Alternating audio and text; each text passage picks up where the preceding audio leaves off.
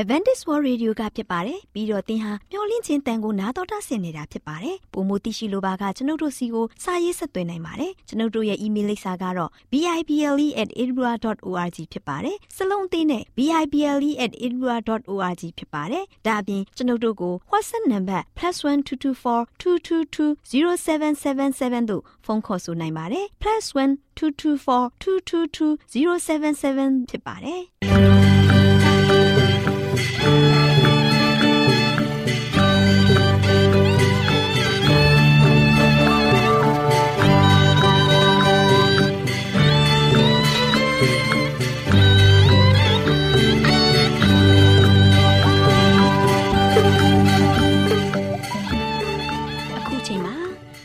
ကိုမျော်လင့်သောတတ္တမနေ့အသင်းတော်ရဲ့ရေဒီယိုအစီအစဉ်ဖြစ်တဲ့ AWR မျော်လင့်ခြင်းအတန်လွင့်အစီအစဉ်ကိုစတင်တန်လွင့်မှာဖြစ်ပါတယ်ရှင်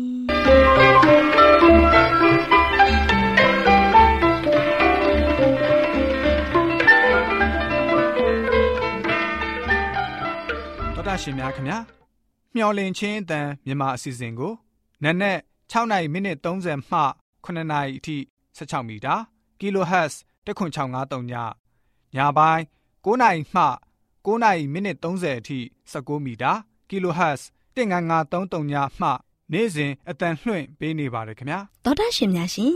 ဒီကနေ့တင်ဆက်ထုတ်လွှင့်ပေးမယ့်အစီအစဉ်တွေကတော့ကျမ်းမာပျော်ရွှင်လူပေါင်းတွင်အစီအစဉ်တရားဒေသနာအစီအစဉ်အထွေထွေဘုဒ္ဓအစီအစဉ်တို့ဖြစ်ပါတယ်ရှင်သောတာရှင်များရှင် အာရော temperament လာပန်ကျမ်းမာခြင်းသည်လူသားတိုင်းအတွက်အထူးအရေးဖြစ်ပါသည်။ဒါကြောင့်ကိုရောစိတ်ပါကျမ်းမာစေဖို့ယင်ကျမ်းမာခြင်းတရင်ကောင်းကို တင်ဆက်ပေးလိုက်ပါတယ်ရှင်။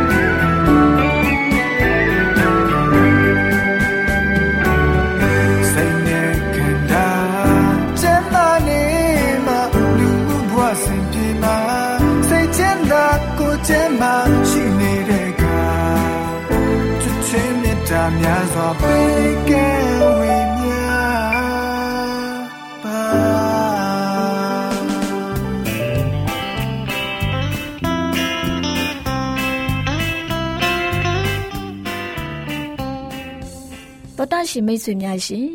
လူသားတို့အသက်ရှင်ရေးအတွက်အစာအာဟာရကိုမှီဝဲစားတောက်နေကြရတယ်ဆိုတာလူတိုင်းသိပါပဲဒီလိုစားတောက်တဲ့အခါမှာစားတောက်မှုမှန်မှန်ကန်တာတွေ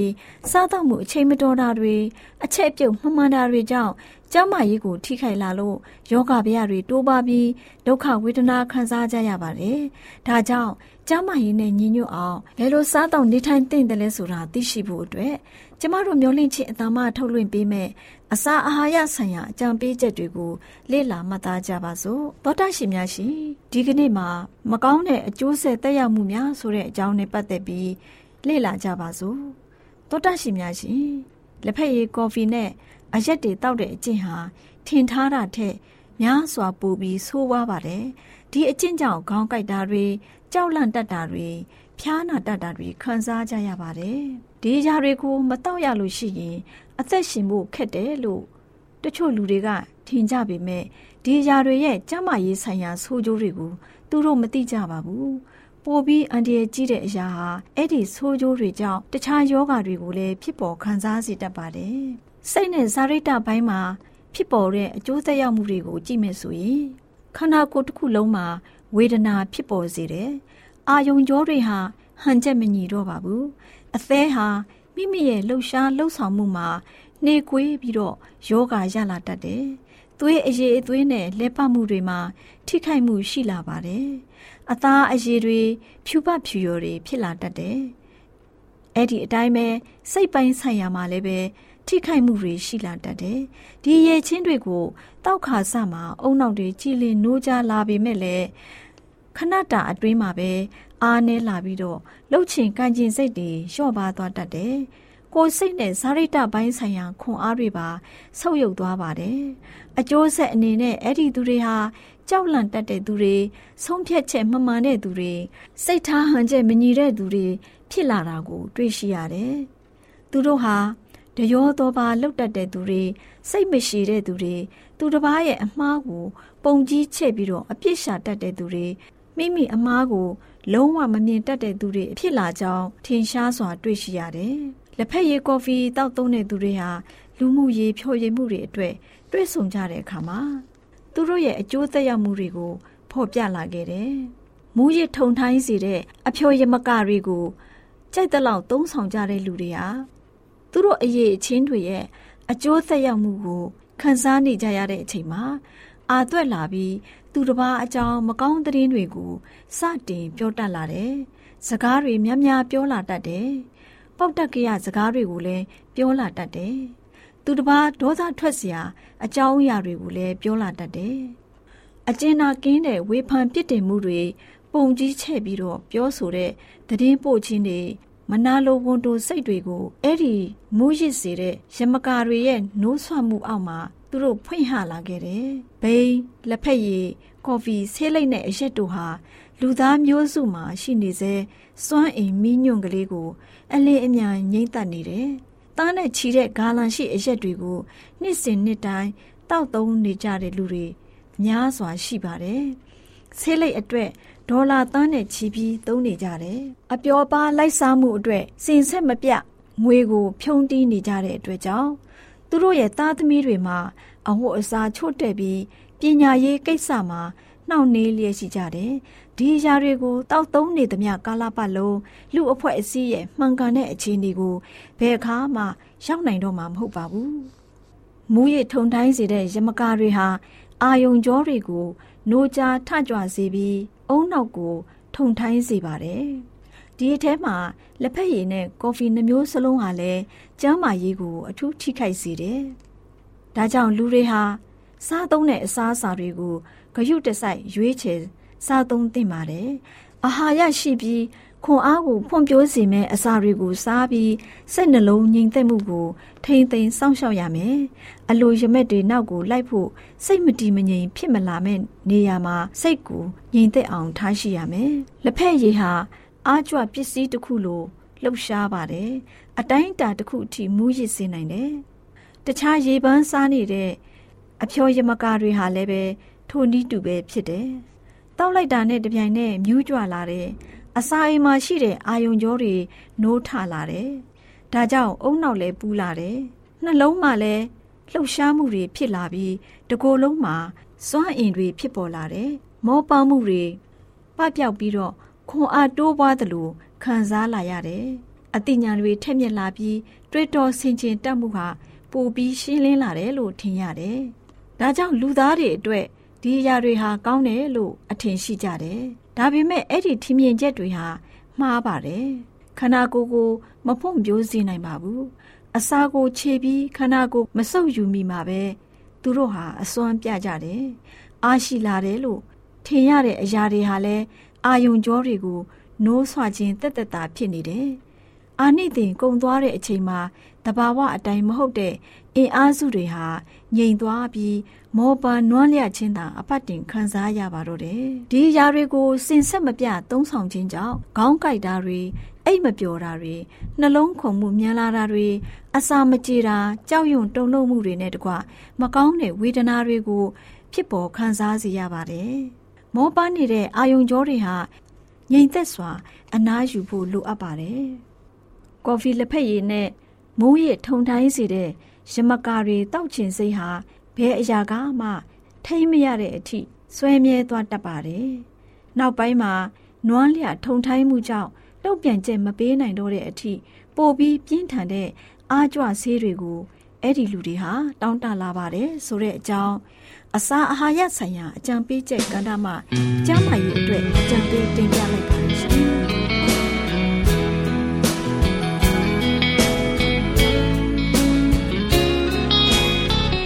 တော်တာရှင်များရှင်တရားဒေသနာတော်ကိုတိတ်ခါတော်ရဓမ္မဆရာဦးတင်မောင်ဆန်းမှဟောကြားဝင်ငါပေးมาဖြစ်ပါတယ်ရှင်။နာတော်တာဆင်ရင်ခွန်အားယူကြပါစို့။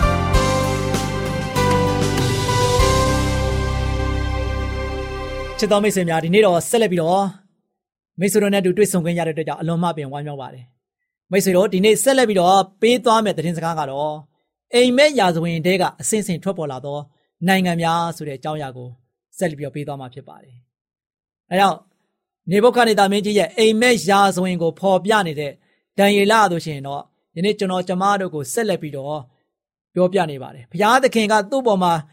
အိမ်မက်ယူပါယူအဖြစ်ပြန်ပေးခဲ့တဲ့ဒီအိမ်မက်ရဲ့ အိမ်မက်နဲ့အိမ်မက်ရဲ့နေတိတ်ပဲတွေကိုယနေ့တရက်ပြီးတရက်ဖော်ပြနေပါတယ်ဒီဖော်ပြချက်တွေကိုကျွန်တော်နားဆင်ရတဲ့အခါမှာဘုရားသခင်ရဲ့အလိုတော်ဘုရားသခင်ရဲ့ပြောပြခဲ့ထားတဲ့အရာတွေကဧကံမုတ်ချမြေကြီးလက်ခံမလွဲ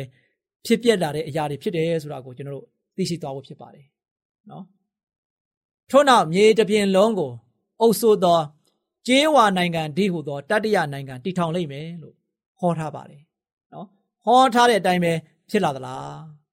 တကယ်ပဲဖြစ်လာပါတယ်မိတ်ဆွေနော်အလွန်ထက်မြက်တဲ့ဗိုလ်ချုပ်ကြီးလက်ဇန်ဒရာဟာဆိုရှင်ပေရတိဘရင်ဖြစ်သူတတိယမြောက်ဒါရိမင်းကြီးကို BC 331မှာဆိုရှင်နော်အာဘဲလာဆိုတဲ့တိုက်ပွဲမှာနိုင်လိုက်တဲ့ခါမှာဒီကြိုတင်ဟောထားတဲ့ကျေးဝါနိုင်ငံဖြစ်တဲ့ဝမ်းနဲ့နော်လက်နှစ်ဖက်အကြောင်းအားဆိုရှင် ပြည့်စုံသွားပါတယ်နော်အဲ့ဒီချိန်မှာပဲ တတိယနိုင်ငံဖြစ်တဲ့ဟေလတနိုင်ငံပေါ်ထွက်လာခဲ့ပါတယ်အလက်ဇန္ဒာဆိုရှင်တော့အသက်25နှစ်အရွယ်မှာအလွန်ကျယ်ပြန့်လာတဲ့အင်ပါယာကြီးကိုသူဟာဆိုရှင်အုပ်စိုးခဲ့တယ်အလက်ဇန္ဒာကိုမသိတော်သူမရှိဘူးလို့နော်ဟေလတဂရိပညာရှင်အိုင်ရီယန်ကဆိုရှင်ဆက်ပြီးတော့ပြောပါသေးတယ်နော်အဲ့ဒီချိန်တုန်းကဟေလတချီလီယန်တက်သုံးတဲ့ဒိုင်းလွားတွေဟာဆိုရှင်ဘာနဲ့ပြုတ်လုပ်ထားလဲဆိုတော့ကြေးဝါနဲ့ပြုတ်လုပ်ထားတာကိုတွေ့ရပါတယ် ဒီနေရာမှာဆိုရှင်နေဘုခနေတာမင်းကြီးမြင်မဲ့ခဲ့တဲ့ကြေးဝါနဲ့တူတဲ့တတိယနိုင်ငံနဲ့စိုက်စိုက်မြိုက်မြိုက်တိုက်ဆိုင်နေပါတယ်အလက်ဇန္ဒာဆိုရှင်တော့အသက်30နဲ့3နှစ်မပြည့်ခင်လေးပါပဲအဖျားယောဂါကြောင့်သိဆုံးသွားခဲ့ပါတယ်သူအုပ်ဆိုးခဲ့တဲ့နိုင်ငံကြီးဟာလည်းပဲအားနဲ့လာပြီးတော့အပိုင်းပိုင်းကွဲသွားခဲ့တယ်အဲ့ဒီလိုနဲ့ဇွန်လ22ရက်နေ့ BC 168မှာခုနှစ်မှာဆိုရှင် ပတ်နာဆိုတဲ့တိုက်ပွဲမှာဟေရတလူမျိုးတွေမရှူးမလာနဲ့ကြာရှုံးခဲ့ရပါတယ်။နောက်ဆုံးအလက်ဇန္ဒာဘုရင်ကြီးနတ်ရွာဆံပြီးတဲ့နောက်မှာ196နှစ်လောက်မှဆိုရှင်တော့အဲ့ဒီအင်ပါယာအင်ပါယာကြီးကတော့ပြိုပြက်ပြိုကျပြီးတော့ပျက်စီးသွားခဲ့ပါတယ်။ဘုရားဟောထားတဲ့ကမ္ဘာနိုင်ငံကြီး၄ခုမြောက်ပေါ်ထွန်းလို့လာပါပြီ။အလွန်ကြောက်စရာကောင်းတဲ့နိုင်ငံဖြစ်ပါတယ်။နော်။ ပထမနိုင်ငံကကျွန်တော်ရွှေနိုင်ငံဘာဘလုံနိုင်ငံ။တတိယနိုင်ငံဒုတိယနိုင်ငံတော့မေရီပရိသိနိုင်ငံနော်ကျွန်တော်တို့ငွေနိုင်ငံဖြစ်ပြီးတော့အခုတတိယမြောက်နိုင်ငံကတော့ဟေရတနိုင်ငံဖြစ်တဲ့နော်ဒီအလက်ဇန္ဒာဦးဆောင်ခဲ့တဲ့နိုင်ငံဖြစ်တယ်အခုစတုထမြောက်နိုင်ငံကဆိုရှင်အလွန်ကြောက်စရာကောင်းတဲ့နိုင်ငံဖြစ်ပါတယ်နော်ဘလောက်ကြောက်စရာကောင်းတယ်ဆိုတော့ဒီနိုင်ငံဟာဆိုရှင် ကမ္ဘာပေါ်မှာရက်ဆက်ကြမ်းကြုတ်တဲ့နေရာမှာပထမပဲနော်တတိယနိုင်ငံဖြစ်တဲ့ဟေလက်တနိုင်ငံကြီးပြိုကျပျက်စီးသွားတဲ့နောက်မှာပေါ်ထွန်းလာတဲ့စတုထနိုင်ငံကြီးဟာအလွန်မှပင်ရက်ဆက်ကြမ်းကြုတ်တဲ့နိုင်ငံတစ်နိုင်ငံဖြစ်ပါတယ်နော်ဒီနိုင်ငံနဲ့ပတ်သက်လို့တော့ဒံယေလဘယ်လိုဖော်ပြထားတယ်ဆိုရင်ဒံယေလနဂတိကြံခိုင်းနှစ်အငယ်40မှာဆိုရှင်စတုထနိုင်ငံသည်တန်ကဲ့သို့ခိုင်မာသောနိုင်ငံဖြစ်လိမ့်မည် တန်သည်အခြားသောယာရှိသမျှတို့ကိုချိုးဖဲ၍နိုင်တဲ့ကဲ့သို့စတုထနိုင်ငံသည်ချိုးဖဲနှိပ်စက်ခြင်းကိုပြုလိမ့်မည်အဲ့ဒီနိုင်ငံကြီးကိုအုပ်ဆိုးခဲ့တဲ့ဘယင်တွေဟာမိမိကိုယ်ကိုဖျားလို့ခေါ်ပြီးတော့တိုင်းသူပြည်သားတွေကိုလည်းဖျားတစုလို့ကိုးကွယ်ခိုင်းပါတယ်နော်နားမထောင်တဲ့သူတွေကိုလှလှလေးဒုက္ခပေးတယ်နော်ပြီးလို့ရှိရင်အဲ့ဒီလိုယောမအုပ်ဆိုးတဲ့အချိန်မှာအလွန်မှအရေးကြီးတဲ့ဖြစ်ရကြီး နှစ်ခုပေါ်ပေါက်လာခဲ့တယ်ဒါကြောင့်စတုထနိုင်ငံလို့ရှိရင်အကြံတန်းဆုံးအခက်ထန်ဆုံးအဲ့ဒီချိန်ခါမှာလို့ရှိရင်တကယ်ပဲနိုင်ငံသူနိုင်ငံသားတွေဟာဆိုရှင်တော့ဘယင်တွေကိုဖျားလို့ပဲကိုးကွယ်နေရတယ်နော်အခြားဖျားမရှိဘူးဘယင်ပဲဖျားပဲနော်အဲ့ဒီနိုင်ငံဟာယောမနိုင်ငံဖြစ်ပါတယ်ဒါကြောင့်အဲ့ဒီဖြစ်ရအဲ့ဒီလိုမျိုးယောမနိုင်ငံအုပ်ဆိုးတဲ့အချိန်ခါမှာအလွန်ရေးကြည့်တဲ့ဖြစ်ရနှစ်ခုပေါ်ပေါက်လာတယ် အဲ့ဒီဖြစ်ရနှစ်ခုတည်းကတစ်ခုကတော့ခရစ်တော်ဘက်လင်မြို့မှာမွေးဖွားလာခဲ့တယ်ဘလောက်အံ့ဩဖွယ်ကောင်းတယ်တဆင်ပြီးတဆင်ပြောင်းလဲလာတဲ့ကမ္ဘာရာဇဝင်သမိုင်းမှာလို့ရှိရင်တော့ယောမနိုင်ငံကြီးခက်ထန်ကြမ်းတမ်းပြီးတော့တကယ်ပဲကြမ်းတမ်းတဲ့နိုင်ငံကြီးကြမ်းကြုတ်တဲ့နိုင်ငံကြီးတီထောင်တဲ့အချိန်ခါမှာခရစ်တော်ဘက်လင်မြို့မှာမွေးဖွားခဲ့ပါတယ်နံပါတ်1တစ်ချက်ကတော့ယောမဘယင်တူဟာလို့ရှိရင် နှစ်နှစ်နဲ့နှစ်နှစ်အောင်ယောက်ျားလေးရှိသမျှကိုတတ်စီခဲ့တယ်။သူ့ရည်ရွယ်ချက်ကတော့ခရစ်တော်ကိုတတ်ဖို့ပါ။နောက်နံပါတ်1တစ်ချက်ကတော့နောက်တစ်ခုကဘာလို့ပြောထားလဲဆိုတော့ယူနာပြည်ကိုအုပ်ချုပ်တဲ့ဘယင်ခံတအူးဟာဆိုရှင်ခရစ်တော်ကိုသေတံပေးခဲ့ပါတယ်။ယောမစစ်သားတွေကခရစ်တော်ကိုလက်ဝါးကားတိုင်းမှာတင်ပြီးတော့ရရက်ဆက်ဆက်နဲ့တပ်ဖြတ်ခဲ့ပါတယ်။အဲဒါယောမနိုင်ငံခေတ်မှာဆိုရှင်တကယ်ရက်ဆက်ကြမ်းကြုတ်ခဲ့ပါတယ်။ အဲဒီရက်ဆက်ကြမ်းကြုတ်တဲ့နိုင်ငံခေတ်မှာပဲကျွန်တော်တို့ကိုကယ်တင်မဲ့ကယ်တင်ရှင်ယေရှုခရစ်တော်ကမွေးဖွားခဲ့တယ်။အဲဒီယောမခေတ်မှာပဲယေရှုခရစ်တော်ကဆိုရှင်လက်ဝါးကားတိုင်းမှာအသေးသက်ချင်းခံခဲ့ရပါတယ်။နော်ခရစ်တော်ကိုမြုပ်နှံထားတဲ့ဂူကိုလည်းပဲသူတို့ပဲတစိ့ခတ်ခဲ့ပါတယ်။ယောမနိုင်ငံပြည်တဲ့ခါမှာ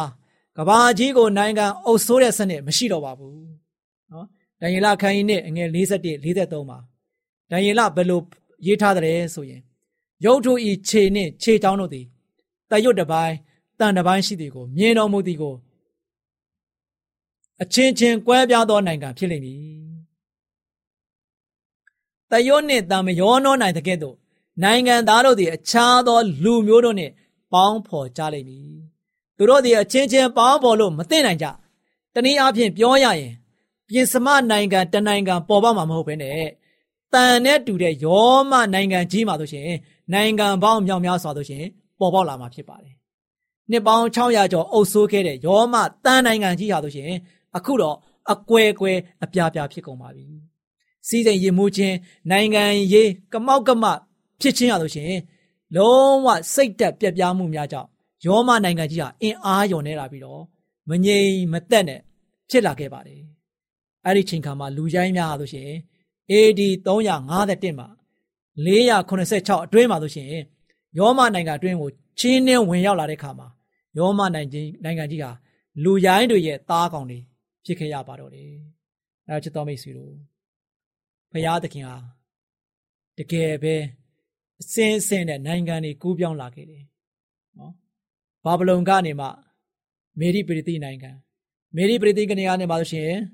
ကျွန်တော်တို့ဆက်လက်ပြီးတော့ပြောင်းလဲလာရင်ပြောင်းလဲလာရင်နောက်ဆုံးတော့တကယ်ကြမ်းတမ်းပြီးတော့ခက်ခံပြီးတော့ကြမ်းကြုတ်တဲ့နိုင်ငံကြီးဖြစ်တဲ့ယောမနိုင်ငံပေါ်ပေါက်ခဲ့တယ်။အဲဒီယောမနိုင်ငံခေတ်မှာပဲထူးခြားချက်အချက်နှစ်ချက်ကိုဘယ်တော့မှမမိပါနဲ့။အဲဒီယောမခေတ်ယောမနိုင်ငံမှာပဲယောမအင်ပါယာခေတ်မှာပဲခရစ်တော်မွေးဖွားလာခဲ့ပါတယ်။ယောမအင်ပါယာခရစ်ထဲမှာပဲခရစ်တော်ကိုလဝါကားတယ်မှာယောမစစ်သားတွေကရရဆက်ဆက်နဲ့တပ်ဖြတ်ခဲ့ပါတယ်။ အဲဒါကျွန်တော်တို့ရဲ့ကဲ့တင်ခြင်းကယောမခေတ်မှာကြမ်းကြုတ်တဲ့ခေတ်မှာမွေးဖွားခဲ့တဲ့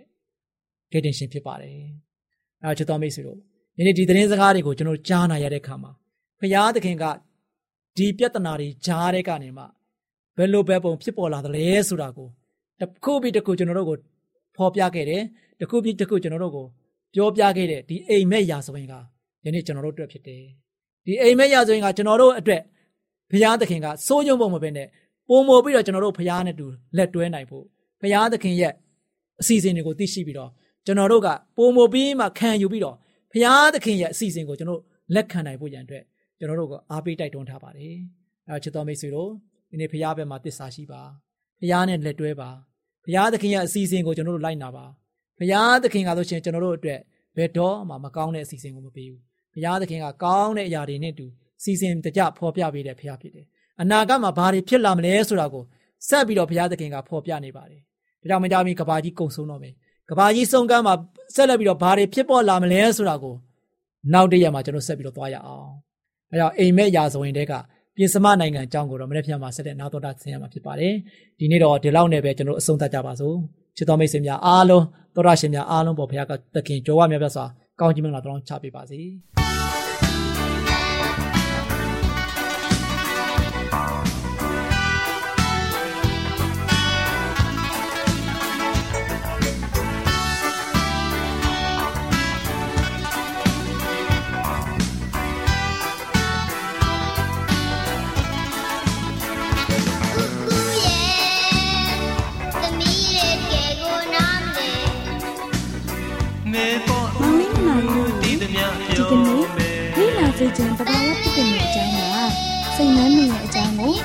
ပရိသတ်ရရှိစေဖို့ပြပြပေးမယ်နော်။ဒါကြောင့်ခကလေးတို့အနေနဲ့မှတ်သားနားထောင်ကြပါကွယ်ဟုတ်ကဲ့ပါမမချစ်စုဒါလည်းသမီးတို့နားထောင်မှတ်တာပါမယ်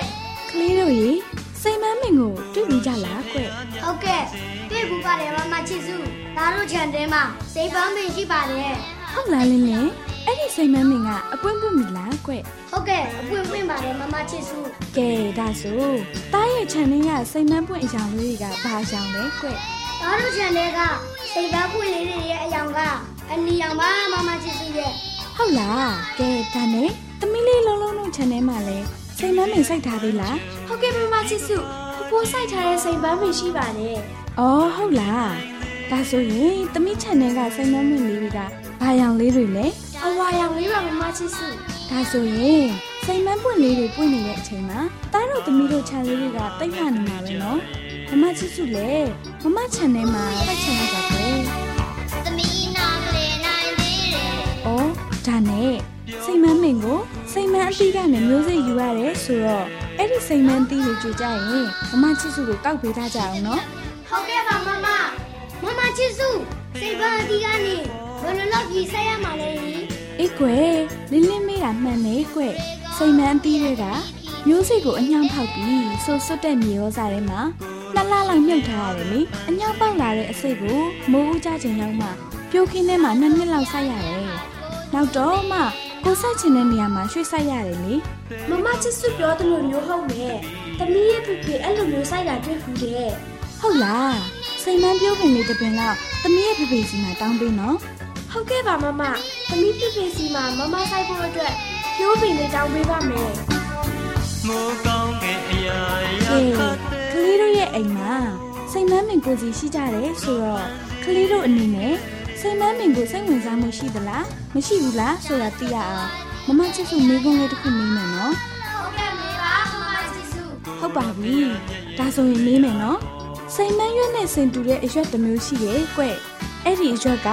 ဘာရွက်တွေများဖြစ်မလဲကွမကြီးရွက်ပါမမချစ်စု။အိုးကွယ်ကလေးတို့ကအသက်ငယ်ပေမဲ့ဘ ഹു တုဒရှိကြလိုက်တာသားကမေမေပြောတာကြားဘူးလို့ပါသမီးကတော့ဘူဘူပြောတာကြားဘူးလို့ပါ။အေးကွယ်ကလေးတို့ကလူကြီးသူမတွေပြောပြတဲ့စကားတွေကိုတေချာမှတ်သားနားထောင်ကြတာလေသမီးနာမလေးနိုင်သေး။ကလေးတို့ရေစိတ်မန်းပင်ကတစ်နှစ်လုံးဆိုင်လန်းပေမဲ့အရိတ်ကောင်းတဲ့အပင်မျိုးတော့မဟုတ်ဘူးပေါ့။ ဒါပေမဲ့လေစိတ်မန်းပင်ကနေလှပတဲ့ပန်းမွင့်လေးတွေပွင့်လို့လူတွေကပန်းမင်တစ်မျိုးအနေနဲ့စိုက်ပျိုးကြခြင်းဖြစ်တယ်ကွ။ဒါကြောင့်မို့စိတ်မန်းပင်လေးတွေပွင့်နေခြင်းမှာအင်မတန်မှလှပတဲ့အပွင့်လေးတွေကိုကြည့်ပြီးလူတွေရဲ့ရင်ထဲမှာကြည်နုပီတိဖြစ်ရတယ်မဟုတ်လားလှပတဲ့ပန်းလေးတွေကိုကြည့်ပြီးဘယ်သူကမှမချီးမွမ်းမဲ့မနေနိုင်ကြဘူးကွတွေ့မြင်သူတိုင်းကချီးမွမ်းကြရတယ်လေ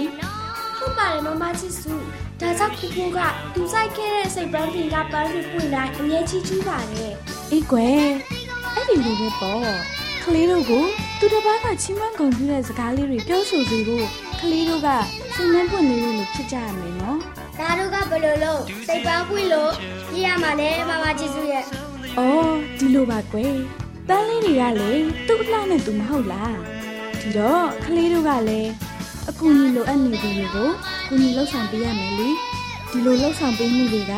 ကလေးတို့ကိုပိတ်ဆို့နိုင်တဲ့အလားတရားလေးတစ်ခုဖြစ်တယ်ကွယ်။ဒါမှကလေးတို့ရဲ့စူးစမ်းလှုပ်ဆောင်မှုတွေကိုတွေ့ရတော့ကလေးတို့ကိုဘယ်သူကမှမချီးမွမ်းမဲ့မနေနိုင်ကြဘူးပေါ့။အဲ့ဒီလိုအတိတ်ပဲမျိုးကလေးတို့ကိုမမချစ်စုကပြောပြပေးချင်တာပါကွယ်ဟုတ်ကဲ့ပါမမချစ်စုဒါတို့သမီးတို့နားလဲပါပြီအလားတရားဆိုတဲ့အတိတ်ပဲကိုလည်းသိသွားပါပြီမမချစ်စု အေးကွယ်လိမ္မာလာတဲ့ကလေးတို့ဘဝလေးအောင်မြင်မှုတွေနဲ့ပြည့်စုံပါစေလို့မမချစ်စုကစုံမှန်တောင်းပေးလိုက်ရတယ်ကွယ်ရောင်စုံပန်းညာတွေကဖြစ်လာလေကိုတော်ရှင်ဖျားမြတ်ဖန်ဆ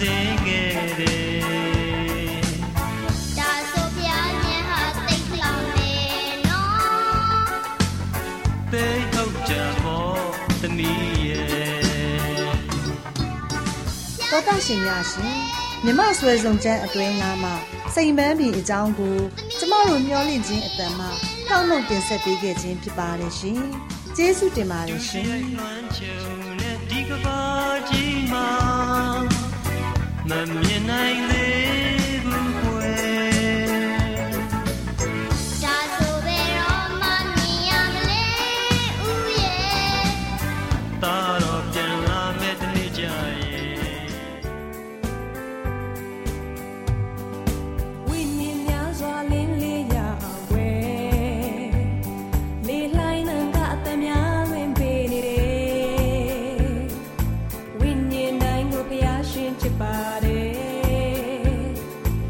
watching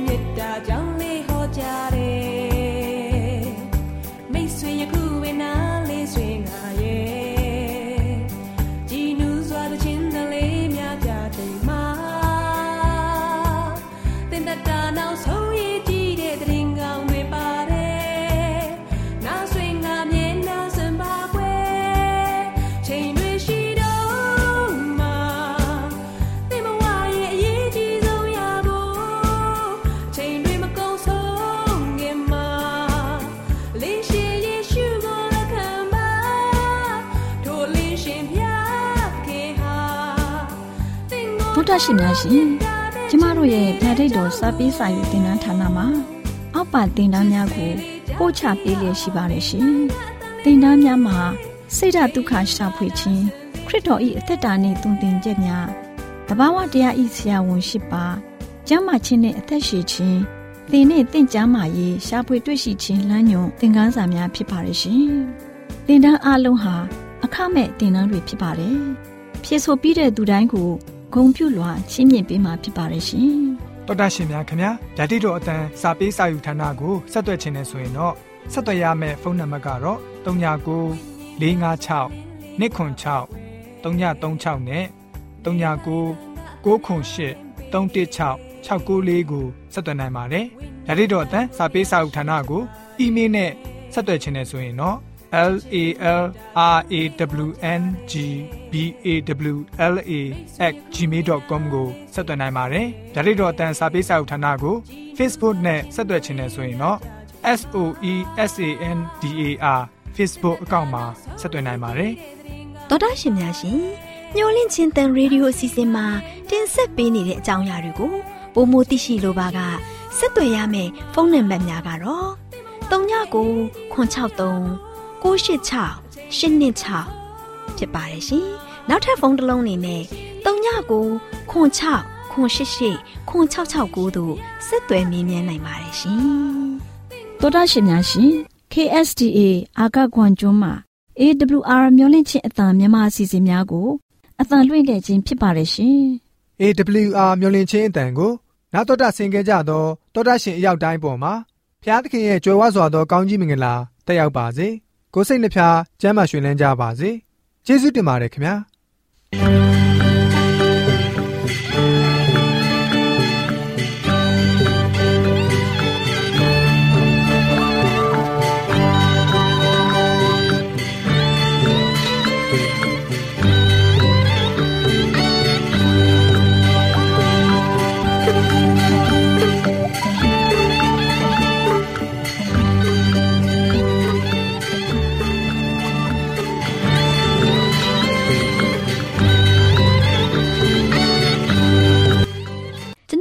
စီအစဉ်များကိုနားတော်တာဆင်ရင်နှစ်သက်မယ်လို့မျှော်လင့်ပါတယ်။မိတ်ဆွေအနေနဲ့လက်ဆောင်လေးတစ်ခုကိုရချင်နေဆိုရင်တော့ကျေးဇူးပြု၍ bible@awr.org သို့စာရေးပေးပါ။ဒါမှမဟုတ်ကျွန်ုပ်တို့ကို WhatsApp နံပါတ် +1224 222 0777သို့ဖုန်းခေါ်ဆိုနိုင်ပါတယ်။